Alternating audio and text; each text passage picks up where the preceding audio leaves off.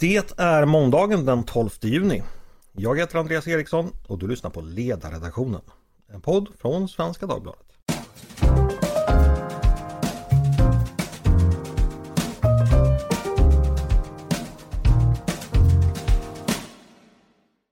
Varmt välkomna till en ny vecka med Ledarredaktionen.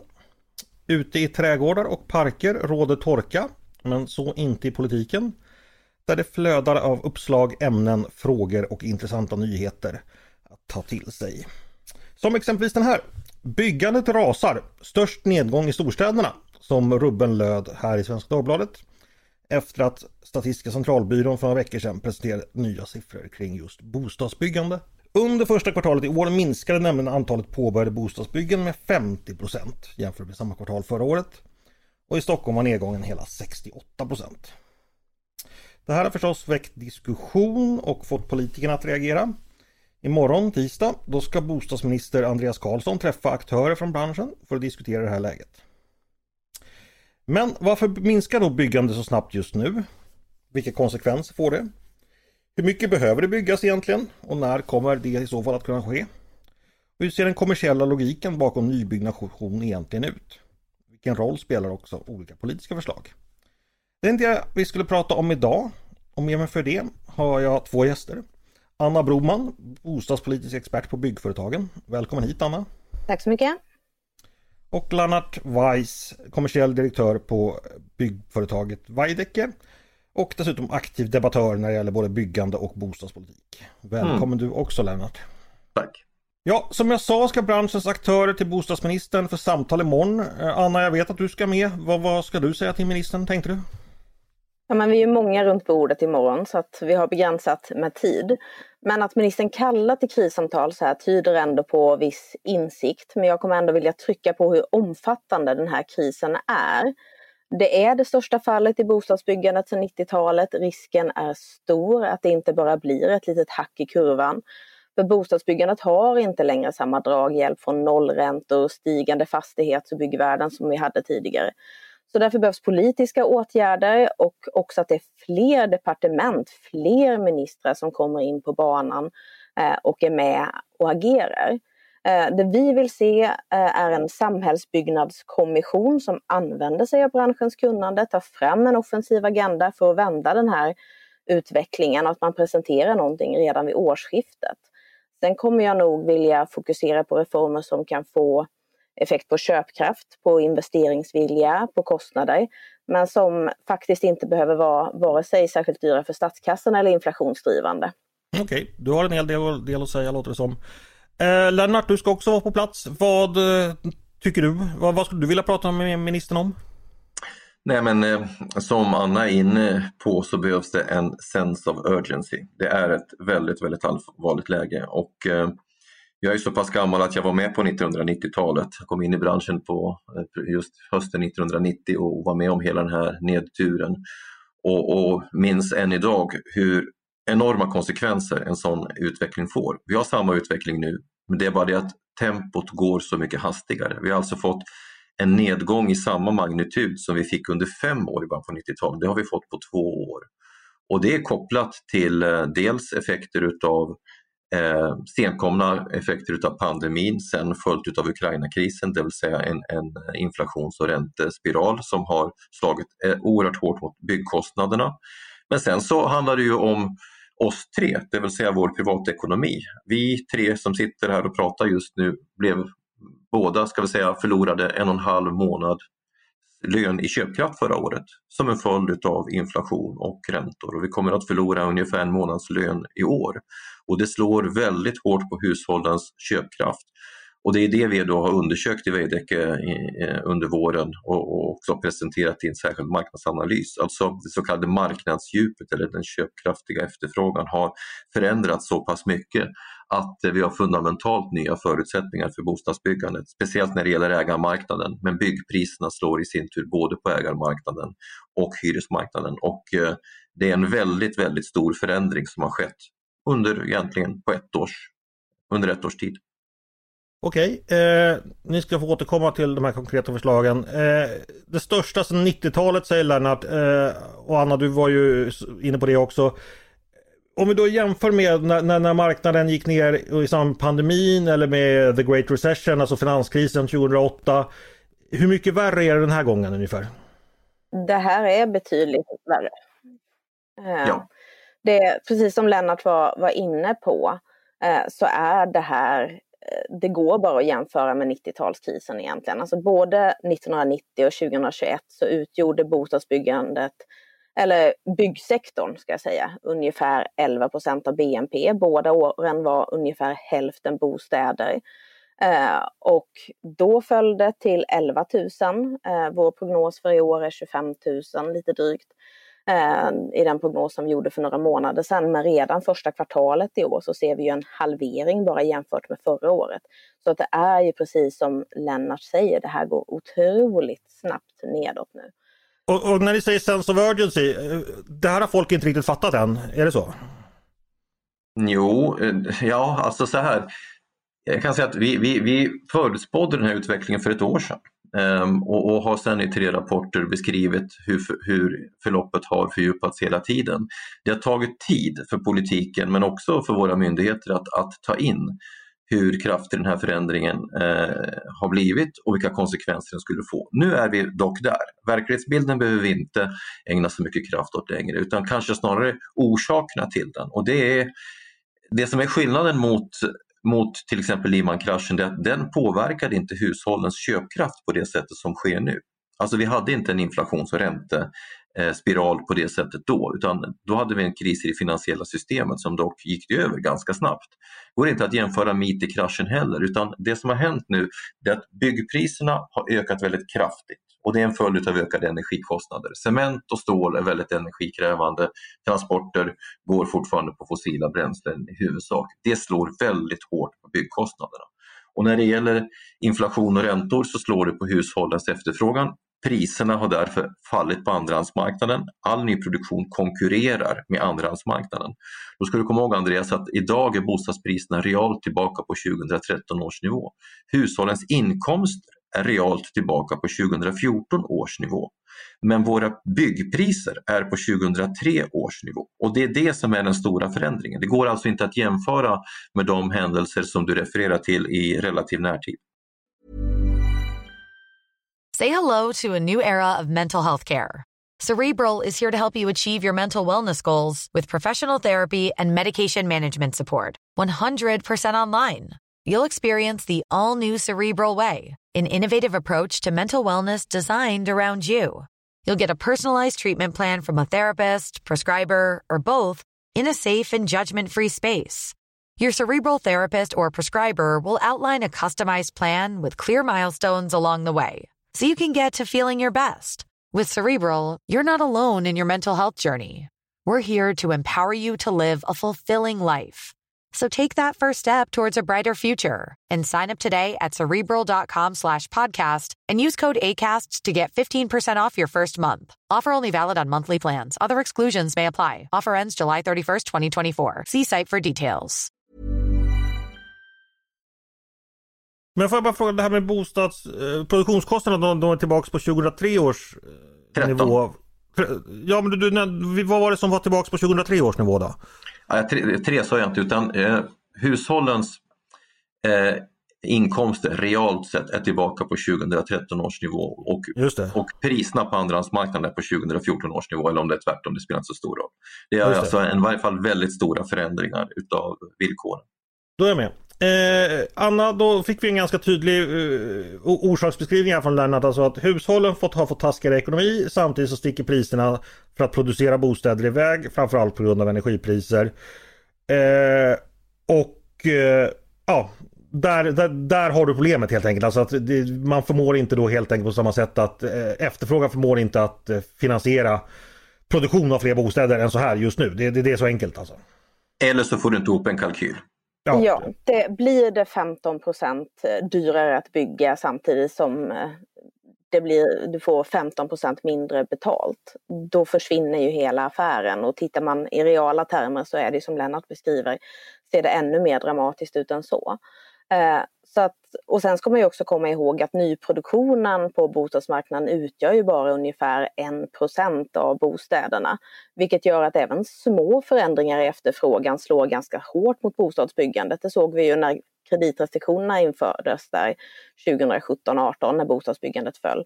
Men nu är vi ju i ett helt annat läge där det är ännu kraftigare förändringar i hushållens efterfrågan och då faller ju bostadsbyggandet snabbt.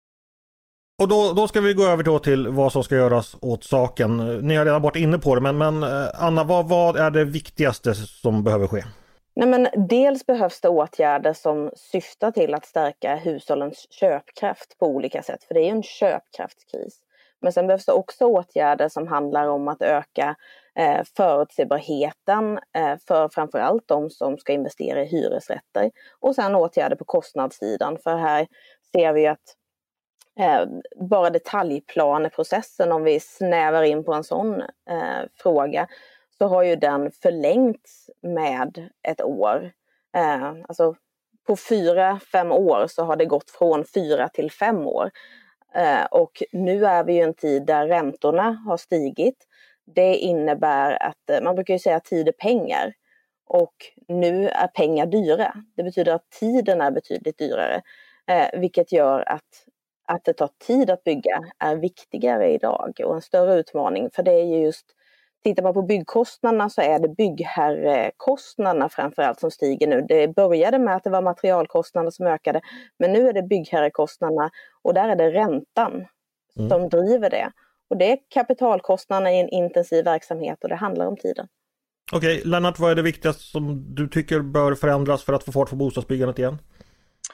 Alltså, om jag ska uttrycka det Anna säger på ett lite annat sätt så kan man säga så här att man har två principiella alternativ när man hamnar i en sån här problematik. Man kan antingen stötta hushållens efterfrågan och det var det som Anna la betoningen på och det är nog vad de flesta i branschen skulle önska också, att det är på efterfrågesidan man borde sätta in insatserna.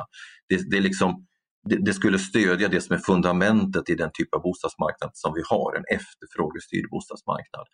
Men i det här läget, när du dessutom har en kostnadskris, då har du ett annat alternativ som du kan eh, ta till också och det är att stötta helt enkelt eh, på produktionssidan. Du sätter alltså in någon typ av produktionsstöd. Det brukar vi inte gilla i branschen. Investeringsstödet var inte sådär jättepopulärt, eh, i varje fall när vi diskuterade det här på en politisk och principiell nivå. Sen är det eh, ingen tvekan om att det har en stimulerande effekt om du så att säga får kompensation för kostnader i produktionen. Och eftersom jag inbillar mig att regeringen i det läge vi är nu inte kommer att vidta några åtgärder som kommer att riskera att driva upp inflationen, då tror jag inte att det blir någonting av med efterfrågestimulerande åtgärder i ett ett, två års perspektiv. Och då återstår produktionskostnaderna, att, att äh, göra någonting där och det tror jag är den åtgärd som skulle få störst effekt på kort sikt.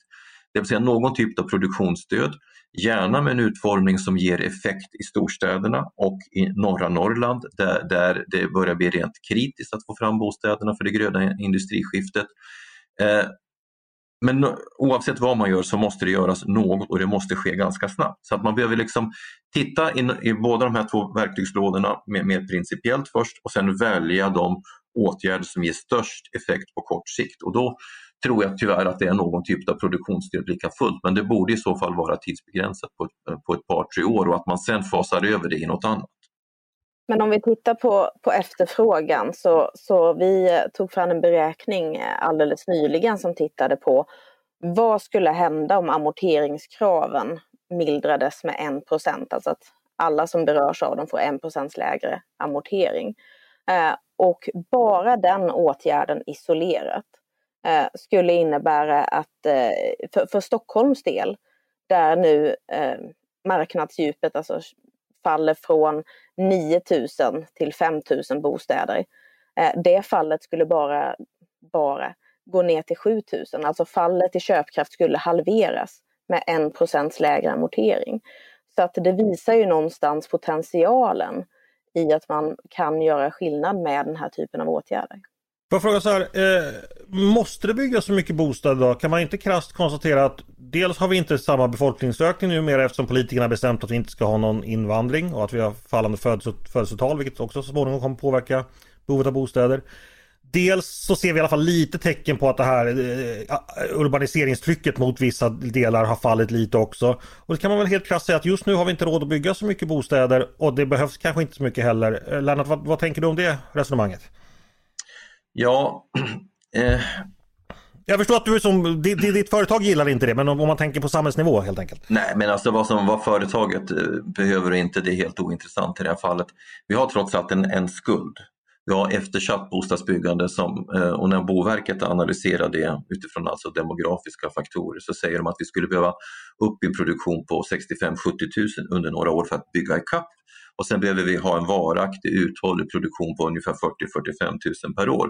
Det skulle så att säga svara mot befolkningsutvecklingen och det tror jag är en riktig bedömning för att vi har ju trots allt eh, födelseöverskott och, och vi har vissa regioner som växer till följd av att antingen tjänstesektorn eller industrisektorn är expansiv. Så jag skulle nog vilja vända på det och säga så här att om vi inte i det här läget har ett bostadsbyggande i linje med de behov som finns, då kommer det att urholka Sveriges ekonomi på längre sikt. Tjänstesektorn eh, som är väldigt dynamisk i både Stockholms och Göteborgsområdet kommer inte att kunna rekrytera den personal som behövs och då väljer man att lokalisera sig på andra platser eh, worldwide. Och när det gäller hela det gröna industriskiftet uppe i norr så måste det flytta upp ungefär 100 000 människor för att alla de här industrijobben ska kunna bemannas. Och sker inte det då kommer det bli fly in fly out och då kommer kommunerna där uppe att drabbas av oerhörda eh, omkostnader som de inte får någon kostnadstäckning för. Därför att nu tar man enorma omkostnader i allt ifrån hamnar till transportinfrastruktur och vad det nu är. Och ska finansiera det med skatteintäkter och flyttar inte upp några människor då blir det inga skatteintäkter och då blir det en samhällsekonomisk kris. Så det här är samhällsbyggande i sin mest eh, genuina betydelse som vi talar om. Jag tolkar det som att investeringar i bostadssektorn är eh, väldigt bra och uteblivna sådana är väldigt dåliga helt enkelt för samhället. Anna, jag antar att du håller med? sammanfattat. Eh, ja, nej men eh, Eh, du, du, nämnde i din fråga där eh, flyttnetto till eh, våra storstäder och barnafödande och sådär. Och där ska man ju komma ihåg att en av de stora anledningarna till att vi har ett negativt flyttnetto är ju den dysfunktionella bostadsmarknaden och bostadsbristen. Det kommer ju fortfarande ungdomar som flyttar till våra storstäder och starka arbetsmarknadsregioner. Men sen lämnar man eh, med en, en eller två barn i handen eh, när man inte lyckas få tag på en bostad och den här problematiken förvärrades ju med kreditrestriktionerna, eh, amorteringskrav och bolånetak som eh, har gjort det betydligt svårare att stanna kvar. Och det är ju som Lennart säger, det här urholkar ju eh, kompetensförsörjningen på lång sikt. Eh, och sen har vi också problematiken att nu har vi en ung generation som precis är i familjebildande ålder och det är en stor generation, det är ju babyboomarna. Eh, och om de nu har svårare att hitta ett lämpligt boende så kommer ju det få ytterligare konsekvenser för den demografiska utvecklingen. För om jag inte hittar något vettigt ställe att bo, då kanske jag skjuter lite på barnafödandet. Och det är ju olyckligt för Sverige på lång sikt om något. Mm. Eh, en fråga jag har, eh, kanske börjat med Lennart där då som jobbar operativt i bolag. Eh, när man tittar på vad man ska bygga, det tar ju ungefär två år. Ja, detaljplanen tar oftast, eh, vad sa vi, fem år. Och sen har man två år i produktionstid. Så vi pratar ju bortom ett decennium liksom från att man får en första idé tills att man verkligen kränger av sin, sin bostad. Då jobbar ju ni, ni måste ju tänka på ett marknadsläge ganska långt fram i tiden. Hur, vad finns det att säga om det? Hur, hur, hur tänker man hur, och hur förhåller man sig till det här extremt långa, att investeringsbesluten ändå har så långa ledtider? Ja, det, det innebär helt enkelt att man tänker i väldigt långa ledtider. Man tänker över en eller två konjunkturer. Och det gör ju att det finns risker förenade med projektutveckling, för det är ju framförallt projektutveckling som du syftar på här. Och då, eftersom det är en kapitalintensiv verksamhet så vill ju de som ska sätta in pengarna ha en, en, en viss kalkylränta för att ta höjd för den risken. För allt det som ju då, eh, det talades om hur mycket branschen tjänade för ett par år sedan är förluster nu istället. Så det, det är en kapitalintensiv bransch med väldigt stora finansiella risker och det innebär att eh, man behöver ta höjd för det. Så att det är en väldigt långsiktig affär och, och då är det väldigt skadligt när det sker kraftiga svängningar. Så jag kan väl säga så här att när vi i vårt bolag analyserar risker, för det gör vi ju hela tiden, då kommer ju alltid Eh, beslut ifrån politik och myndigheter väldigt högt upp på riskgraderingen. Om politikerna får för sig att göra någon dumhet, då får det väldigt stora konsekvenser. Om det kommer nya kreditrestriktioner eller allmän politisk passivitet. Och allt det här fungerar ju som en sorts broms. Det är därför alla i branschen efterlyser långsiktiga förutsägbara villkor, vilket ju då i sin tur kräver att politiken gärna över blockgränserna kommer till långa eh, överenskommelser och det har vi inte sett i Sverige på väldigt, väldigt länge. En till sådär, hur funkar det fråga Lennart? Det, det är det här jag undrar.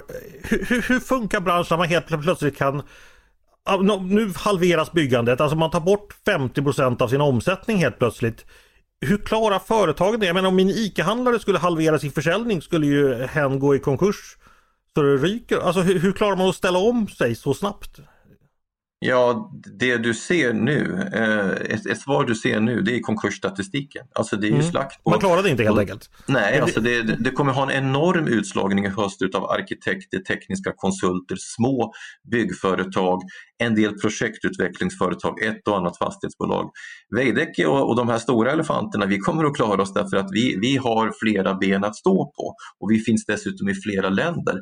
Men, men den delen utav branschen som är fokuserad på bostads verksamhet. Projektutveckling i bostadsverksamhet, arkitekter och andra som jobbar på bostadssidan och, och, och entreprenadbolag som är orienterade mot bostäder, de kommer att ha en väldigt, väldigt tuff höst. Och det kommer få konsekvenser då väl det vänder upp igen för då kommer en massa kompetens och produktionskapacitet och finansiella resurser att slagits ut.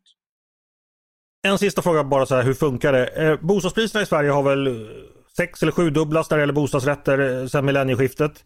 Eh, har kostnaderna för att framställa de här bostadsrätterna också sex eller sjudubblats eller har ni kunnat eh, casha hem på det här eh, Lennart och i vilken grad har ni kunnat det? Jag, jag måste svara eh, lite näsvist och säga så här att ja, bostadspriserna har ökat nominellt men hur mycket har de ökat realt? Det är helt olika eh, saker. Realt så har bostadspriserna ökat i linje med den ekonomiska utvecklingen och inte särskilt märkvärdigt därutöver. Så att man förblindas av de här stora talen när du har en stark ekonomisk utveckling som vi har haft i Sverige. Och det får också då konsekvenser nu därför att när räntan då höjs så pratar vi om real ränta. Kom ihåg att vi har haft alltså negativ realränta i två decennier. Nu kommer vi ganska snart ha positiv realränta när inflationen faller tillbaka och räntorna sitter kvar på en högre nivå än tidigare och det ändrar produktionskalkylen alldeles eh, kolossalt. Och det här har tyvärr inte media så lätt att uppfatta när man diskuterar det här i, i stora tal och utan att ta hänsyn till, till realt och, och fast, fast, Nu jag begår jag antagligen dumhet om, om jag börjar liksom eh, vara näsvis på min sida men, men, inte har väl har väl Sveriges ekonomi växt sex eller sju gånger sedan år 2000? Nej, men, bostads... det har inte bostads... men det har inte bostadspriserna gjort heller. Ja, men hur mycket har de gått upp? De har väl gått upp? Inte om det inflationsjusterar med fasta priser. Nej. Alltså om du tittar att... i fasta priser, med BNP-utveckling då tittar du ju alltid i fasta priser. Då utgår ja. du ifrån ett basår. Medan mm. bostadspriser nu, nu pratar du ju kronor och ören nominellt. Alltså, eh, du, du tar inte hänsyn till inflationen under samma period. Men om man tar alla, om man tar exempelvis alla bostadsrätter som bytte ägare under 2023 så kommer jag få x antal miljarder. Så tar jag det som en kvot av BNP. Kommer den kvoten vara likadan 2023 som den såg ut 2000 alltså? Att den totala summan, alltså bostadsrättspriserna, eh, har de alltså följt svensk ekonomi? på det sättet? För det visste inte Nej. jag i så fall. Det... Bostadspriserna har ökat till följd av att räntorna har sjunkit så där har du, eh, där, där har du eh, en förändring av förutsättningarna. Och det är klart som sjutton att när räntorna går ner då, då blir det billigare att finansiera en bostad, då går priserna upp. Men, men man ska inte titta på de nominella talen ändå. Det, det, blir liksom, det ger inte en, en korrekt bild utav uh, utvecklingen. Okay. Ja, det var bara ett bispår. Som... Ja, men ett svar på frågan är om det nu hade varit så att, att det hade liksom, eh, skett en prisutveckling som hade ramlat rakt ner i byggföretagens och projektutvecklarnas fickor, då skulle man ju ha sett det på resultat på sista raden och det kan du inte se. Alltså företagen har haft samma lönsamhetsutveckling eh, i procenttal eller, eh, e, e, eller i, i, eh, i marginaltermer under de här åren. Så det är liksom inte så att det är någon som sitter med guldbyxor här nu. Det, så ser det inte ut. Vi ska gå vidare. Vi har pratat bostadsrätter. Eh, det finns ju då också eh, hyresrätter och man bygger massa andra typer av fastigheter. Då ska man dessutom bygga olika typer av infrastrukturanläggningar och så här. Anna, nu vet jag att du är bostadspolitisk expert, men, men om vi tittar på de andra sektorerna av byggbranschen, hur, hur utvecklas de? Det ser eh, bättre ut. Eh, lokalbyggandet faller inte lika kraftigt som bostadsbyggandet gör. Inte i närheten. Eh, och det är det som vi har beskrivit att företag som kan som har flera ben att stå på, som också bygger lokaler, samhällsfastigheter av olika slag, har större möjligheter att, att övervintra och hålla sig kvar. Hur är det med det där i branschen? Vilken flexibilitet finns det? Kan man ena dagen bygga bostäder och nästa dag bygga tunnelbana exempelvis? Eller hur, hur funkar det? Ja, inte med samma personal. Alltså idag är ett, även byggnadsarbetare relativt specialiserade så att det, där, det var bra att du frågade det därför att det finns en föreställning om att om det nu inte byggs så mycket bostäder så kan de väl bygga någonting annat. Nej, tyvärr ser det inte riktigt ut så. Och sen ska man ju ha klart för sig en annan sak och det är ju att eh, bemanningen i, i, i byggindustrin har gått ner också. Vi har ju det ser annorlunda ut strukturellt idag. Den, den stora effekten den sker på tjänstemannasidan och finansiellt och där, där, där kommer det att ske väldigt stora förändringar i höst. Just det. Och Lennart, eh, marknaden för att bygga hyresrätter, hur har den kalkylen förändrats? Det är väldigt mycket byggkostnaderna. Eh, eftersom byggkostnaderna har, har ökat och du finansierar hyresbostäder över väldigt lång tid då, eh, då blir man försiktig. Men man ska också ha klart för sig att det är en annan förändring som har skett här som har väldigt stor betydelse för hyresrättsbyggandet. De som bygger hyresbostäder de har ju typiskt sett redan ett fastighetsbestånd. Och det fastighetsbeståndet eh, har drabbats av kostnadsökningar. De kostnadsökningarna har man inte kunnat kompensera sig för i det här årets hyresförhandlingar. När det sker, då sker det värdeförändringar i böckerna. Alltså belåningsgraden kommer då att förändras och, och det riskerar ratingen. Och i, det läget som man är liksom pressad i den löpande rörelsen, då är man ju mindre benägen att ta ett investeringsbeslut som belastar balansräkningen ytterligare. Så man är liksom pressad från två håll och det gör att eh, man kommer bli mycket, mycket mer försiktig med att starta nya projekt. Så att vi spår ju att byggandet av hyresbostäder kommer att minska i minst samma omfattning som för ägda bostäder. Och eh, för att bara ändå kommentera det här med siffror lite kort. Anna berörde det väldigt snabbt här inledningsvis. Du har alltså ett byggande i statistiska termer just nu som minskar med ungefär hälften sett till hur du räknar påbörjade bostäder som startbesked.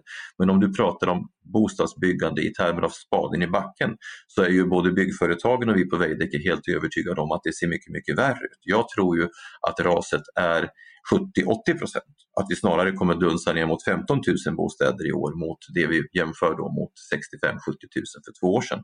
Så det är ett enormt dramatisk, en enormt dramatisk förändring och det är helt enkelt så att när, när en konjunktur viker då ljuger statistiken för man fortsätter att göra affärer och ingår gärna startbesked men man börjar inte bygga. Man har, får, får helt enkelt inte ihop det. Går över till Anna där. Jag, jag har flera frågor. Men den första är, håller du med att det kan gå så illa som Lennart antyder att vi kommer ner på, på bara 15 000 verkligt spaden i marken på, på påbörjade bostäder? Eh, jag ska inte utesluta det. Nej. Eh, det kan vara så illa. För och så min andra fråga det gällde det här med, med, med hyresrätterna. Tror du också att de kommer falla lika mycket som när det gäller bostadsrätter och ägarlägenheter? Ja, när vi gick in i det här så hade ju bostadsrättsbyggandet eh, redan fallit tillbaka en hel del. Eh, går man tillbaka liksom ända till 90-talet så har det byggts ungefär lika många hyresrätter som bostadsrätter, men där blev det ju eh, en, ett gap i samband liksom under 2017-2018. Så det är ju större fallhöjd för hyresrätterna. Sen så till det Lennart nämnde kan man ju också lägga till de här domarna kring presumtionshyresystemet som gör att eh, man, om man bygger med presumtionshyra och har det, så får man ungefär hälften i, alltså man, i själva domsluten så skrev man in att hälften av de vanliga hyresförhandlingarna är det man får. Vilket helt tar sönder kalkylen för förutsättningarna att bygga. Eh, så det här är ytterligare någonting som gör att det inte finns den här förutsägbarheten. Jag pratar med fastighetsbolag som säger, hade det inte varit för det, då hade vi ändå kunnat få igång projekt, men nu är det omöjligt.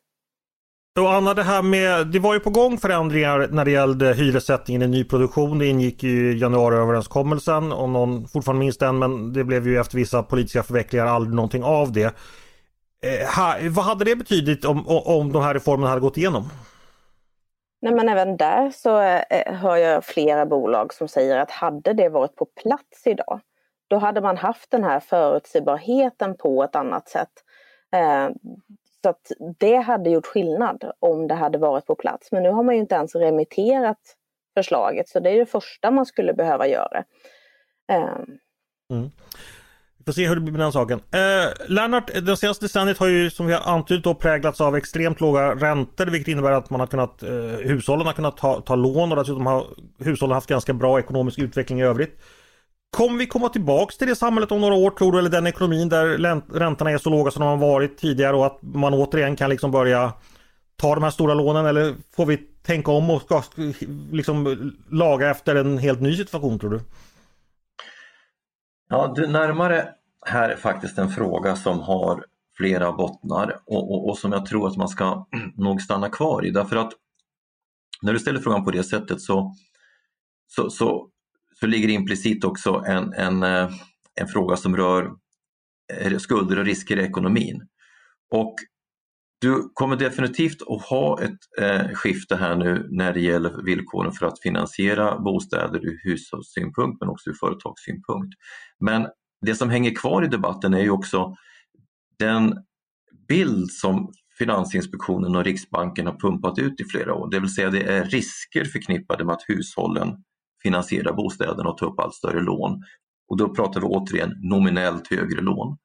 Eh, det finns risker förknippade med att fastighetsbolagens skuldsättning ökar. Man säger också från Finansinspektionen att det finns risker förknippade med att bankerna exponerar sig mer mot bostads och fastighetssektorn. Och förre riksbankschefen fnyste eh, och kallade dagens banker för bolånebanker.